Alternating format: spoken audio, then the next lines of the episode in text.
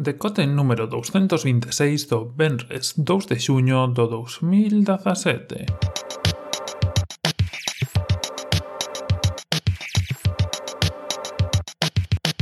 Bos días e benvidos a esta edición miscelánica do decote deste Benres que, como veredes nas notas, como veredes na descripción, pois non é que veña demasiado chea de cousas porque eu creo que tamén empezan a xuntar bastantes cousas. Foi o Computex estos días, vai ser a presentación de Apple o próximo luz, no luz o martes o día 5 E, bueno, tampouco hubo moito movimento esta semana de moitas cousas porque, bueno, está por vir o que presente Apple, logo seguramente xa máis presentacións, verán, xuño, este tipo de cousas. Así que imos centrarnos no que se presentou, no que non nos deu tempo a falar ou no que non, non son cousas moi importantes como para tratar nun programa inteiro.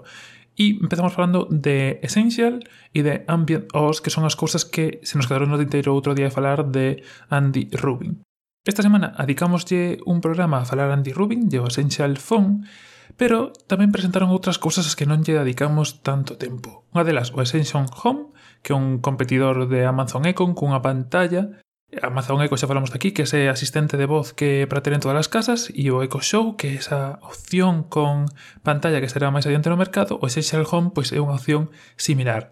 A idea detrás do Essential Home é poder controlar todos os aparellos da casa, todo o que teñamos, dende Apple TV ata HomeKit, ata Nest, que falaremos despois del, todo o que se poida a través deste Essential Home, deixando un pouco atrás o teléfono e centrándonos neste interfaz como sistema de control de todo o dispoñible. Non está mal. E dentro do que presentou tamén Andy Rubin está o Ambient OS, que é un sistema operativo que intenta ser unha alternativa a Android.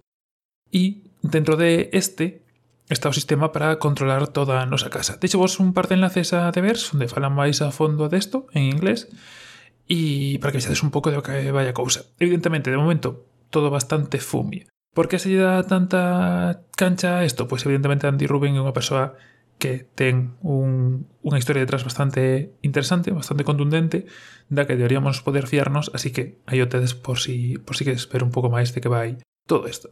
Como dicía, outra das cousas das que temos que falar é de Nest, non sei se vos lembrades de Nest, coñecido polos seus termostatos, por esos aparelliños redondos tamén diseñados para poder controlar o termómetros de calquer sitio que se conectan a internet e que poden facer outras cousas, E, bueno, NES tamén está sacando outro tipo de accesorios para o fogar como son as NES cámaras, que son cámaras de vigilancia. E acaba de presentar a súa NES Cam IQ, que basicamente é unha cámara mellorada con capacidade de gravar vídeo a 4K, un altavoz superpotente, reconocemento de xente, de caras, para saber si o que está movendo pola casa é o can, si quen está entrando é a persoa que ten que sacar a pasear o can ou un ladrón, bueno, todo ese tipo de cousas interesantes.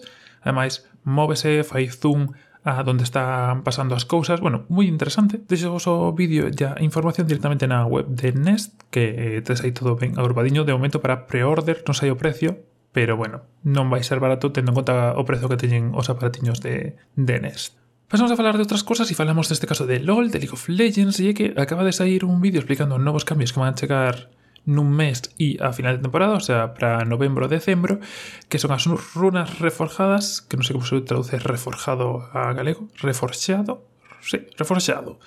E unha actualización do honor. As runas reforxadas simplemente elimina unha parte do xogo que era bastante engorrosa e que a xente que empezaba, pois, pues, era complicada, complexa de explicar, e a actualización do honor que é unha das cousas máis interesantes que presentaron desde fai tempo que é un pouco loitar contra esos trolls. Se algún vez xogastes o League of Legends, sabedes que é unha parte negativa ou menos interesante que a xente, pois, dalle por flamear, por insultar, por queixarse dos seus compañeros de equipo e isto pois non ten moita contraprestación, mas que pois te indica ao final para que intentar que o banen e que cambien esta esta conducta, pero agora coa actualización do honor van a facer un sistema para que a xente que se comporte ben teña premios, teña melloras, teña cousas que lle axudan a seguir para adiante e pois esos premios van ir ligados a que te den honor, digan que xogaches ben, que o fixeches ben, que fuches amistoso, que fixeches ben as cousas.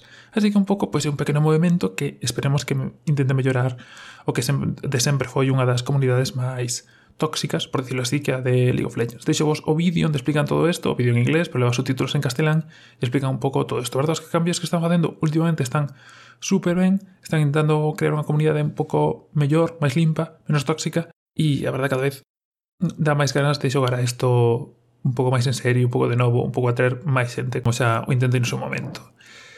Pasamos a outras cousas tamén de xogos, tamén de ordenadores, e que Intel presentou no Computex un monstruoso Core i9 de 18 núcleos. Que go que vai isto. Non sei se sabides, pero ata agora, pois Intel tiña o, digamos, versións móviles M o que fose dos seus procesadores e tiña, digamos, a versión grande que empezaba no i3, moi pequeniño, o i5 e o tope de gama ata agora que era o i7.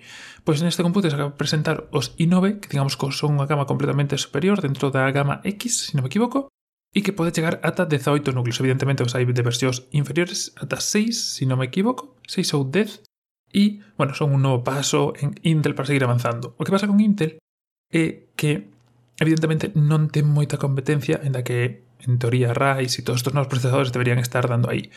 Pero realmente a competencia é mínima, é un duopolio prácticamente de mercado e, bueno, cada vez que fai un movimento así sempre é interesante porque axuda un pouco a tirar para diante máis que estancarse e esperar a que teña que facer algún movimento, algún, non sei, cambio que realmente tire del para diante. Así que, moi interesante. E as tres últimas novas que son así un pouco máis de recheo, porque como os digo non hubo moitas cousas, que que en Chataca Ciencia falan de que na Estación Espacial Internacional identificouse unha nova bacteria que era descoñecida até agora. Ao parecer trátase unha bacteria que foi nalgúnha das cápsulas que subiu a estación espacial e que mutou na súa exposición ao espacio. Así que bastante interesante. Ademais desto, en hipertextual falan dos acontecementos astronómicos deste xuño, en concreto o 7 e o 27 que hai chuvia de estrelas, moi importante o 7, cumple da miña nai e o meu irmão. Sempre son interesantes de ver, sobre todo se está ceo despexado, se tens algún sitio con poca contaminación lumínica, son cosas moi moi chulas de ver. E pechamos con un vídeo de Microsiervos onde falan das películas de David Fincher e do uso que fai do, do CGI. David Fincher, pois que quizá vos soa por algunha peliculiña ou algunha serie, non sei, así como Zodiac, como pode ser... Bueno, ahora está rodando a segunda parte de Guerra Mundial Z, tamén fixo algúns capítulos de House of Cards, Bueno, eh, un directillo que, que fai ben as cousas e falan un pouco de como o utiliza o CGI, os efectos especiais, dunha forma tan discreta e invisible que non, prácticamente non se poden apreciar, pero sin embargo, pois marcan a diferencia nas súas películas. Bastante interesante. E nada máis por hoxe, dámoslo a deixar por aquí. Fora de todo isto, onde estábamos falando de Soda Player, onde contactoume por Twitter Jordel, arroba Jordel, Juan Ortiz, que é un dos componentes, diría o director, a cabecilla de Amorsa Erayón, de ese podcast de arquitectura que se me está tardando en volver a sair, para dicirme que había un reproductor antes de do que falaba onte para as stream para Mac.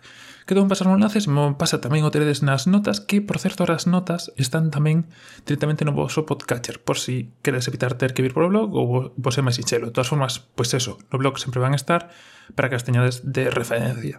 E nada máis por ese, nada máis por este Benres. Espero que vos sexan todo moi útil, moi interesante.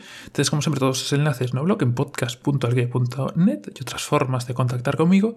Estou preparando unha sorpresiña para esa semana do 16, do 16, do 18, que non poderei facer o programa, pero terei unha forma de compensarvos para, para que non vos perdades nada. E ata aquí por hoxe. Que teñades un bo Benres e un bo fin de semana. Vémonos de novo o luz con máis e mellor. Un saúdo e ata luz.